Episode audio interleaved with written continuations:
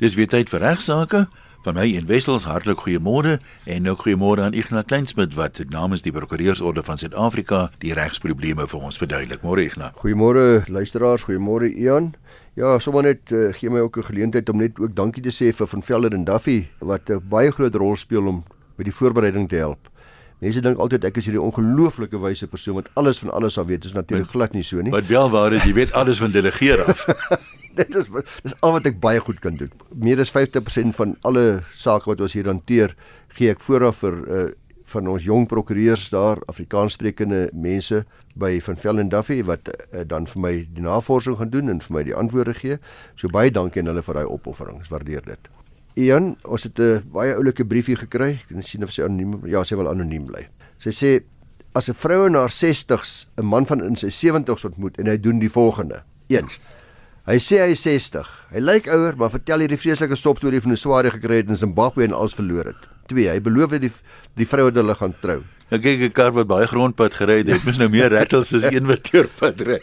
hierdie man, hierdie man is vol triks. Hy sê hy boek 'n venue vir die troue maar hy gee nie deposito nie. Hy vertel hy's mede-eienaar van 'n motorhawe wat motors verkoop. Hy ry self 'n Grand Car. Hy neem haar en gaan kyk na 'n huis wat hy wil koop vir hulle. Hy doen selfs 'n aanbod, maar weer eens net teken geen papiere nie. Hy sal nog hy sal nog later kom. Hy sê praat van papiere. Hy gee die vrou 'n motor en sê dis nou haar motor. Sy kan dit, sy skenk dit vir haar. Hy sê ag sien hulle gaan trou, moet sy haar kar wat sy besit verkoop wat wat toe sy doen. Natuurlik word die geld nou gebruik vir allerlei dinge wat hulle saam doen. Ek gaan dit net 'n bietjie kort maak. Hy sê sy moet daar huur by die woonstel waar sy bly op jy. Hulle gaan trou, moet by hom kom bly. Wat sy dit ook doen. Hy neem haar om 'n ring te gaan soek. Hy sê vir die dame hulle sal terugkom want om te kom koop want hulle moet die ring gaan maak. Hy gee nie die pos doen nie en hy sê sy moet so lank begin trourok soek. Hy sê hy het drie kinders, al drie woon oor see en hulle is al drie prokureurs vreeslik glad met die mond. Toe die trou daar nader kom, sê hy skielik hy het prostaatkanker. En hy wil haar nie daardeur hierdie hel laat gaan van prostaatkanker nie. Sy begin snif in die neus kry en begin met navraag. Hy het oor alles gelieg, sy ouderdom, sy kanker, alles. Hy besit nie huis nie, dis die garage huis, die motorhawe waar hy werk se huis. Die motor wat hy ry is die motorhawe se kar. Hy's net 'n verkoopsman. Die motorhawe soek die motor terug wat die skerminkel gesê het sy kry, hulle vat die kar terug. Hy het verkeerde ID opskryf in die aanbod van die huis. Hy het nooit 'n pos toe vir die ring betaal nie. Sy kinders woon nie oor see nie. Hulle sê Suid-Afrika, hulle slat nie prokureurs nie. Ag, so gaan sy aan. Sê sy sit onder heenkome, maar sy het ook kennis gegee sy het nie meer 'n woonstel nie en sy het nie meer 'n motor nie. Sy is sonder inkomste. Al haar drome is verpletter. Nou wat is haar vraag? Sy sê is karminkel van die eerste waarde. Prokureur het vir my gesê ek kan niks teen die skelm doen nie want hy het nie haar geld gevat nie. Maar maar net hoor wat jy van die saak sê, dankie. Nou uh anoniem Wat ek net eerstens sê, regstegnies kan 'n verloving beskryf word as 'n ooreenkoms tussen twee mense om op 'n bepaalde wyse op 'n bepaalde datum en in die toekoms met mekaar in huwelik te tree. Dis wat hulle noem 'n troubelofte. Ja, of selfs om 'n burgerlike vennootskap te sluit is ook 'n troubelofte. Ons gaan vir ewig saam woon. Ons is maats, huweliksmaats, uh, lewensmaats. Daar word geen formaliteite gestel terloops. 'n Kontrak hoef nie op skrift te wees nie hierdie ooreenkoms waar om te trou of om saam te woon moet daar wel wilsooreenstemming wees tussen die twee partye. Uh, dit dan vorm vorm dit 'n verloving stel dit daar in aanhalingstekens. Die oorhandiging van 'n ring of selfs die hedendaagse Facebook aankondiging. Jy weet dat ons is nou saam, het dit wel bewyswaarde. Maar dis nie 'n voorvereiste nie. Jy kan altyd Facebook verander na iets complicated. Ja, ja. nou al die bewyse wat hierdie dame gee, hierdie anonieme dame, is duidelik dat hier van haar kant af 'n uh, wilsooreenstemming was, van sy kant af wilsooreenstemming was. Ons gaan trou. Alles wat gedoen is, alles wat hy gesê het, dui duidelik op 'n uh, daar is 'n onderneming teenoor mekaar om 'n huwelik te tree. Selfs, al, al was hy nou nie eerlik met sy uh, ja, ja, intensies ja, ja. nie. Onthou van haar kant af is dit van haar kant af is dit is hy. Nou is die vraag as dit berus op ware wilsooreenstemming, is natuurlik die vraag of hierdie verpligtinge nou moet nakom of al dan nie. Daar's wederwysige verpligtinge as gevolg van hierdie hierdie hierdie verlovingskontrak. Maar wat is een van die partye nou later as jy reg sê verpligtinge wil nakom nie en al 'n klomp ander wal, uh, wanvoorstellings gemaak het.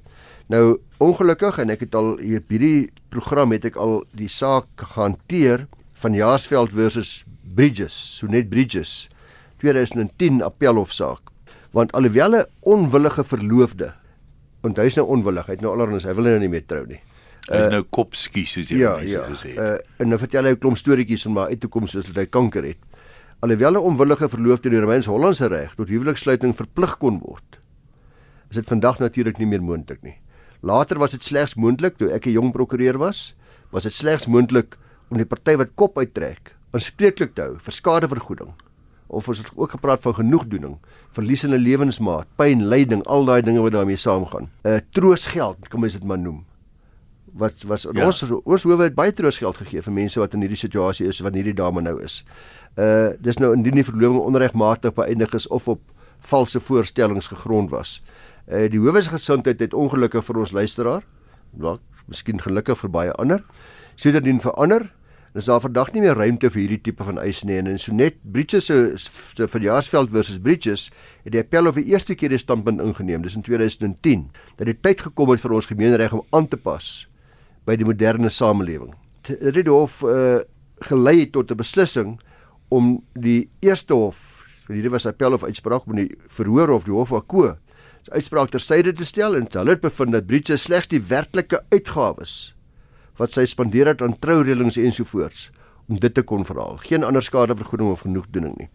Nou 'n uh, paar jaar daarna in die Wes-Kaap het hierdie gedagtegang in die saak van Kloete versus Marits verder gestalte gekry is vergestal deur te beslis in daardie saak dat om partye so rigied te bind tot verloving deur die reglement van moontlike eise teenstrydig is met die gemeenskap se oortuigings. Die hof was van mening dat hierdie vrees van moontlike skadevergoedinge, moontlike eise ensovoorts kan lei tot gevalle waar mense nou voel jy is gedwing in 'n huwelik in. Nou trou jy maar want jy wil nie deur hofsaake gaan en al die drama. Dit is bekostig om nie te trou nie. Korrek ja. So uh, aan anoniem, dis duidelik in ons moderne samelewing en wel daar verskeie regsgevolge is wat die sluiting van hierdie besonderse vorm van kontrak vloei, die howe nie oortuig is dat partye geen omdraai kans gegee mag word nie. Hulle daai jy het 'n omdraai kans na jy gesê het jy gaan trou. Die status quo gee die indruk dat die verlowingstydperk eerder gesien moet word as 'n tyd om finaal te besin oor huwelik, nie 'n belofte om beslis te trou nie. Ek raak hom verloof, maar ons het nou tyd. Ons moet nou mooi besluit. Gaan ons nou regtig die knoop deurrak? Gaan ons afhak of gaan ons nie? En dit is baie belangrik dat waar 'n party wel van plan verander, sal hy of sy nog steeds moet instaan vir werklike finansiële verliese gelei in die proses van hierdie beloftes van die reël van die troue veral. So net so geval was dit die reël van die troue, maar ek dink ons howe sal verder gaan. Byvoorbeeld, in hierdie geval moet jy ook kyk na ander kontrakte wat bestaan het. Vergeet net die verloving vir 'n oomblik. Jy het 'n prokureur nou of hierdie dame gesê sy het geen saak nie. Ek is nie so seker nie. Ek sê moet weer vir 'n prokureur gaan vra om te besin oor die feit byvoorbeeld of die motor 'n skenkingskontrak daar gestel het. Aan die ander woorde, vergeet nou dat ons gaan trou of nie. Ek sê vir jou, hier kom ek by die huis aan, hier staan 'n groot motor met 'n rooi lint. Geluk ja. my liefling met jou verjaarsdag of wat ook nog dit mag wees. Of ek het jou lief met 'n hartjie en die rooi lint en hier's jou motor. Ja, kyk in hierdie geval die feit dat uh, dat hy gesê het sy moet haar kar verkoop, hier's nou 'n ander kar, dui baie sterk daarop. Baie sterk bewysmateriaal om te sê wie wat ek gaan vir jou kar skenk. En 'n skenkingskontrak is 'n afdwingbare kontrak. As daardie as daardie skenkingskontrak dan nou gekanselleer is, hy sê gekanselleer as gevolg van die feit dat 'n ander persoon net die motor kom terugvat nie. Hier's duidelik gewees ek skenk vir jou 'n motor. Hier's die motor, maar nou is hy motor nie meer daar nie. Ek kan dalk nou afdwing en sê 'n pitatiewe kontrak wat sê jy moet nou 'n ander motor vir my gee. Want jy het onderneem kontraktueel mondelings om vir my 'n ja. motor te voorsien. Ek het my motor verkoop ensovoorts. In hierdie geval nog soveel te meer waar hy waarskynlik die geld verkwansel het wat sy vir haar motor gekry het en sy nie meer 'n ander motor kan koop nie. Dink sy gaan simpatie by hof hê? Ek ken nie die feite goed genoeg nie, maar ek sou veral wat baie dikwels in hierdie geval gebeur. Ons hou braaivleis. Ek ek breek by almal oor my vrou se nuwe kar wat ek vir haar gegee het. Ek sê nie ek het die kar op huur koop nie. Ek sê ek het vir my vrou 'n kar gekoop. My ma, sy my vroukie het 'n nuwe motor want ek is so lief vir haar ensovoorts as my verloofde of wat ek nogal. Ja. En die beste sê, is goed genoeg vir haar. En hy sê vir hy sê vir haar ouers so en hy sê vir boetie en haar sussie so en almal weet dit en die kinders weet dit. Ek het vir my nuwe liefde 'n motor gekoop. Nou daai soort van goed gaan teen hom tel. Dit gaan boemerang as hy hom hof toe vat vir daai nuwe motor. Ek noem dit maar net, uh so daar mag ander kontrakte wees wat nie uit die verlowingskontrak, uh, ander eise wees wat nie uit die verlowingskontrak uit voorspruit nie. Jy praat net so van Bragamy Braai Igna. Dit laat my dink aan daai grappie van uh, die vrou wat gesê het toe een van haar vriendinne oor see gaan. Ag, jy weet, ons gaan amper elke jaar oor see. Ons was amper New York toe. Ons was amper Rome toe. Ons was amper Mauritius. Ek het dit al gehoor ja. Anoniem stuur vir my 'n skrywe. Die anonieme dan baie regsprobleme, weet jy. Ja, ja, ja. Hierdie ene byvoorbeeld, ek kan nie dink hoekom dit nodig is nie, maar ag baie van die mense as jy die inhoud lees, wonder jy hoekom is dit nou nodig om 'n uh, anoniem te wees, maar hoe dit ook al sê. Sy sê my ouma's 2 jaar gelede dood en oupa is al jare terug dood. Na ouma's dood is haar testament nog nie aan die familie gelees nie. Ons weet ook nie wie die prokureurs is wat ouma se boedel behartig nie. Ja. Een van die kleinkinders op die plaas gebly saam met ouma nadat oupa dood is. Hy bly nog steeds op die plaas, beweer dat hy die enigste erfgenaam is. Hy is ook van mening dat die testament niks te doen het met die res van die familie nie en nie deur hulle gelees hoef te word nie omdat hy die enigste benoemde in ouma se testament is. Ek kan ook nie vir ons sê wie die prokureurs is wat die boedel behartig nie. My vraag: Is dit moontlik dat ouma die hele plaas in een kleinkind kon bemaak as daar nog baie ander kinders leef? Tweedens, hoe sal ons te werk gaan om uit te vind wie die prokureurs en eksekuteurs en die boedelnommer in die hande te kry? Dan sê sy ek gaan dit sommer nou net ook noem want ek wil net iets daaroor sê. Stuur asseblief vir my die inligting direk aan. Nou, ek kan nie die inligting vir haar direk stuur nie, soos jy gereeld sê Ian, ons ek gaan 'n brief hanteer omdat dit van algemene belang is vir baie ander mense wat in dieselfde situasie is, maar ek gaan nie vir haar individuele advies gee nie en ek antwoord nie briewe individueel nie. En die tweede ding wat mense sê, kan hulle my skakel? of selfs soms sal ek hulle skakel. Maar hier's my nommer. Maar uh, uh, dan ek kan u nie skakel nie. Ek gaan u nie skakel nie want ek praktiseer en ek uh, doen ander werk elke dag en dis nie die gedagte van die program nie. Ek tree op namens die prokureursorde om die hele land se mense wat luister na ons te bemagtig of te probeer die reg toeganklik maak. Ek kry elke Saterdag aand dan kry ek SMS'e van mense. Hulle het nou die liedjie gehoor hier by die radio. Waar kan ek die CD kry? Ja. Dan dink ek myself, jy weet, ek het nou nie 'n voorraadlys van al die musiekwinkels hier nie, maar as 'n mens nou net 'n klein bietjie goeie ou common sense toepas, waar ja. sal jy nog gaan soek na 'n CD, jy ja, weet? Ja, ja. En as ek sê daar seker nie 'n dorp wat nie 'n prokureur het nie, maar dis baie waar wie jy daar sê. Nou die dag het ek die eerste een gekry, ek het dit nie eers vir jou aangestuur nie. Iemand wat sê, ek het nie 'n e-posadres nie, SMS asseblief vir my die ja, antwoord of ja. die die aanhangsel nogal so ewe. Ja, ja, ja. Ek het nie eens geweet jy kan 'n aanhangsel SMS nie. ja. Nee, maar die ander ding wat ek net wil sê is luisteraars, selfs al kry u 'n prokureur wat bereid is om u telefonies te behandel te hanteer en vir u advies te gee, is dit lewensgevaarlik. Ek dink enigiemand wat dit doen, vat groot risiko's. Mense het behoorlike konsultasie nodig om enige persoon behoorlik te adviseer. So gaan in, gaan sien nie, hy maak 'n afspraak met u prokureur. Moenie probeer goedkoop vinnige advies oor die foon kry en dit werk nie prokureurs moet behoorlike die agtergrond kry ensovoorts. So uh ek gaan niemand terugskakel nie. Moenie dink ek som skof nie, maar dit is dis net nie goeie praktyk nie en uh, ek gaan ook vir niemand terug advies gee op skrif nie. Die een ding wat mense kan verstaan, mense soek altyd 'n duidelike ja of nee antwoord. En baie baie baie van die antwoorde in die regswêreld is nou maar kan ek dit doen? Ja, maar onderworpe aan toestemming van hierdie een en daai een en so en so ja. en so of openbaar maak. Nou is eintlik baie min ja of nee antwoorde. Baie van die goed is daar sekere voorvereistes waaraan jy moet voldoen, dan kan jy doen. En of as jy nie dit gedoen het nie, kan jy dit nie doen nie. Ja. En mense besef dit nie altyd nie. Hulle wil weet kan ek hom terugslaan ja of nee? Nee, presies. Selfs met mense wat inkom een en sê hulle stel asseblief my kontrak op. Ek net een bladsy dokumentjie. Ek het nou hierdie ja. besigheid ja. gekoop vir 15 miljoen rand of ek ja. verkoop my plaas of wat ek nog al. Dis liefe bome as jy nog 'n boom. Net 'n een bladsy dokument. En nou die groot ding van 'n kontrak is as u en u ander kontraktant wat met wie u kontrakteer mekaar vertrou en mekaar ken en daar gaan niks ooit skeefloop nie, het jy geen kontrak nodig nie. 'n Kontrak is reeds daar om u te beskerm teen wanneer dinge skeefloop. Dis waar al daai bepalinge wat dan in moet kom oor wat al die waarborge is en sekuriteite wat ingebou is vir u as dinge skeefloop. Dis waarom daar nie iets soos 'n een bladsy kontrak bestaan nie. En as ek vir mense sê jammer ek gaan dit doen nie, dan sê ek dan word hulle vies en sê gaan liewers na 'n ander prokureur toe want daai risiko's wat daai prokureur loop wil ek is ek nie bereid om te neem nie. Vir jy nie dieselfde ding met 'n HVK nie. Ons is nou verlief, ons gaan nou trou. Wat bodder jy nou met die, ja, al ja, hierdie ja, ja, vrae ja, ja, wat jy ja. nou vra? Kyk as ek ek uh, baie my vrou se beweer ek hou daarvan om myself ongewild te maak. En as ek nou Jy's uh, baie suksesvol dan. Ja, as ek nou as ek nou as ek nou met jong mense praat wat nou trou en gee nou huweliksgeskenk, dan sê ek, weet jy wat ek het besluit, weet jy wat gaan ek vir julle skenk? Dis net 'n mooi geskenk wat ek vir julle kan doen. Ek gaan as julle binne 3 maande skei, gaan ek dit vir julle gratis doen. nou, hoe siek kan 'n mens wees?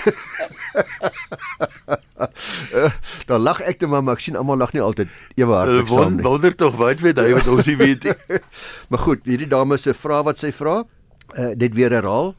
Dis moontlik dat ouma die hele plaas in een klein kind kon bemaak as haar nog ander kinders leef. Hoe sal ons te werk gaan om uit te vind wie die prokureur en die eksekuteur is en wie hoe kan ek die boedelnommer in die hande kry? Dit gebeur baie gereeld dat mense weet nie of hulle dalk bevoordeel is in 'n testament nie en hulle verstaan nie hoekom hulle nie mag weet wat aangaan wanneer hulle 'n naby familielid ja. soos in hierdie geval 'n ouma iemand anders het 'n rede hoekom hulle nie wil hê jy moet weet ja. nie want daar's iets ongeruimd. Soos normaalweg die vraag aangestuur vir Volker Kreer daarby van Velden en Duffy in Rustenburg, die spesialis op hierdie gebied. Hy sê behalwe vir 'n paar uitsonderings geld die beginsel van testeervryheid in ons reg. Dit beteken dat 'n erflater in sy testament as uitgangspunt vrylik erfgename kan aanwys na hartlus soos hy wil. In die luisteraar se geval kan sy ouma dus ook byvoorbeeld die een kleinkind as erfgenaam aanwys en al haar ander kinders of enige ander familie uitsluit. Niemand het dus 'n reg om te erf nie, soos ons ook al by geleentheid gesê het. Waar kinders egter nog onderhoudsbehoeftig is en die oorledene 'n onderhoudsplig gehad het op datum van dood en dieselfde geld vir 'n eggenote ook, is daar wel 'n moontlikheid vir onderhoudseis. Alhoewel al staan daar niks in die testament nie. Ek vermoed egter dat die kinders van die oorledene in die luisteraar se geval reeds selfversorgend is en dat daar dus nie sprake is van enige onderhoudseise wat die ander kinders mag hê omdat net die klein kind alleen erf nie.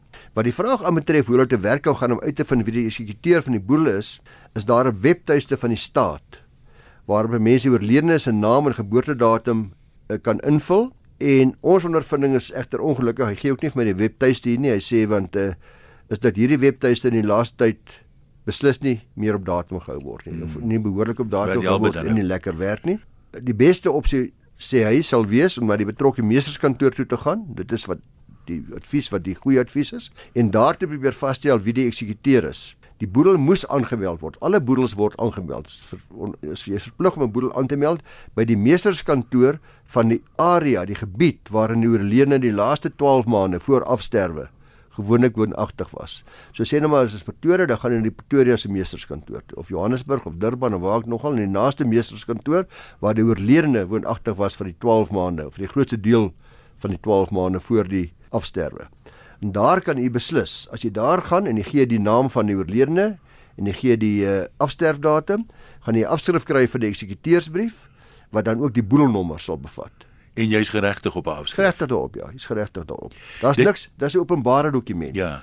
Ek en jy wat hier sit, eers geregtig daarop soveel te meer nog natuurlik die familielede, maar familie of nie familie nie, openbare dokument is vir almal beskikbaar. Almal kan dit gaan vra. Net 'n praktiese vraag daaroor. Ek dink baie mense vind dit 'n bietjie intimiderend om net te sê gaan sien die meester. Jy ja. kan na 'n ander prokureur toe gaan en sê meneer, Goeie, vind dit vir my uit asseblief. Ek weet nou nie hoe om te maak nie. Ja ja. Teen 'n billike fooi, maar dit is nie 'n duur proses nie. Dit gaan nie bitter min kos om na 'n prokureur toe te gaan wat in die boedelreddingsproses spesialiseer wat boedels doen. Hy sal sy kontak hê by die meester kantoor want hy werk elke dag by die ja. meesterskantoor. Hy sal vir binne 'n kort rukkie kan help as jy die besonderhede gee en dikwels sal dit ook kan doen sonder om die meesterskantoor direk te besoek omdat daar ander inligtingkanale is by die meesterskantoor wat die prokureurs wat boedels doen van bewus is. Ook uh, mag jy vind in hierdie geval want ek weet nie wanneer die oorledene nou al dood is nie, ek kan nie onthou sy gesê het nie, maar baie keer as mense by mense kom en hulle sê wie ek is bekommerd, wat het daar gebeur? uh, daai stilswye of die feit dat ek nie naby die boedel ja. mag kom nie bekommer my so bietjie. Uh daar ek ruik 'n rot. Dan uh sal mens dikwels vind daar is al reeds 'n likwidasie en distribusie rekening opgestel. Dit beteken dis die rekening wat mens opstel om te sê dis al die eise, dis al die bates, so word dit nou verdeel. verdeel word en so aan. En uh dan kan hulle ook afskrif daarvan by die meesterskantoor aanvra. Dit bekom dan kan u presies sien wie was die erfgename, hoe die bates verdeel is en uh soos ek sê op die manier kan u seker gemaak dat u bietjie sielerus kry uh dat daar niks ongeruims plaasgevind het nie. Ignas kan nog enetjie inpas. Luisteraars soos ons by hierdie tyd al weet, bly ons in 'n baie interessante land, 'n baie diverse land, mense van verskillende rasse, tale, kulture, gewoontes ensovoorts. Nou hierdie pluralistiese regstelsel van ons bestaan uit 'n mengsel van Romeins-Hollandse reg, Engelse reg, statutêre reg, gewoontereg. Ons howe word dikwels met die interpretasie en toepassing van die gewoontereg gekonfronteer vir al deesdae wanneer dit gaan oor huwelike en die ontbinding daarvan, gewoontereg huwelike. In die saak van Sengadi versus Sambu, T S A M B O 2019 uh, die eerste bundel bladsy 569 in Gauteng is hierdie saak bespreek in die die Robus tydskrif vir prokureurs uh in, die, in hierdie saak is die hof gevra om op 'n dringende basis te bepaal of die partye inderdaad getroud was in gevolge die gewoontereg al dan nie. Dit kom neer op 'n feitevraag sê die hof wat aan die hand van getuienis ook die opinie van deskundiges oor die gebruike van verskillende tradisionele gemeenskappe uh beslis moet word. En hier die saak probeer dan die hof om te kyk na wat is hierdie spesifieke gemeenskap se so gewoonte regtelike uh gebruike. En dit ontstaan nadat die man en baie luisteraars sal dalk ken die baie bekende Kwaito musikant bekend as HHP HHP was sy naam hy was skielik oorlede en sy vrou het geweier dat sy familie hom begrawe dit was 'n bietjie in die koerante ook gewees die die dilemma ja. oor die begrafnis die familie het daar aan die ander kant het geweier om haar as die oorledene se vrou te erken gewoonte regtelike vrou te erken en uh, hulle het gesê een van die gebruike van hierdie spesifieke gemeenskap, hierdie tradisionele gemeenskap was dat sy as bruid oorhandig moes word by 'n formele geleentheid. Sy dit het nooit gebeur nie. Sy is nooit as bruid oorhandig nie, maar die getuienis was as volg: uh, daar was in 2016 tussen die families onderhandelinge oor die lobola en die lobola is toe op 'n sekere dag betaal en daai selfde dag wat die groot deel van die lobola betaal is, is daar besluit dat die huwelik sommer op daai dag gefinaliseer sal word. So daar was nooit 'n ander geleentheid waar die oorhandiging van die bruid ensovoorts sou plaasvind nie. 'n Video-opname is aan die hof ook voorgehou uh wat gewys het hoe die partye trouklere aangetree het en hoe die applikant voorgestel is as die oorledene se vrou en die familie die applikant terloops vra dat sy wil die man begrawe. Uh deur die familie en dat hulle hoe sy verwelkom is. Maar die huwelik was nie maanskyn en rose gewees nie en uh sy het later die woning verlaat gedurende die huwelik en Sy sê sy sal eers terugkeer nadat die oorledene sekere rehabilitasie stappe geneem het wat sy op aangedring het. Haar eintlike terugkeer aan die gemeenskaplike woning was toe egter eers na afsterwe. Sy is deur die oorledene se familie en kennisse sê hulle sy is nie welkom nie en daar was groot spanning geweest en uh, hulle erken haar nie as die vrou van die oorledene en ek sê weer eens die belangrike was daar was nie 'n seremoniële oorhandiging van die bruid aan die man nie.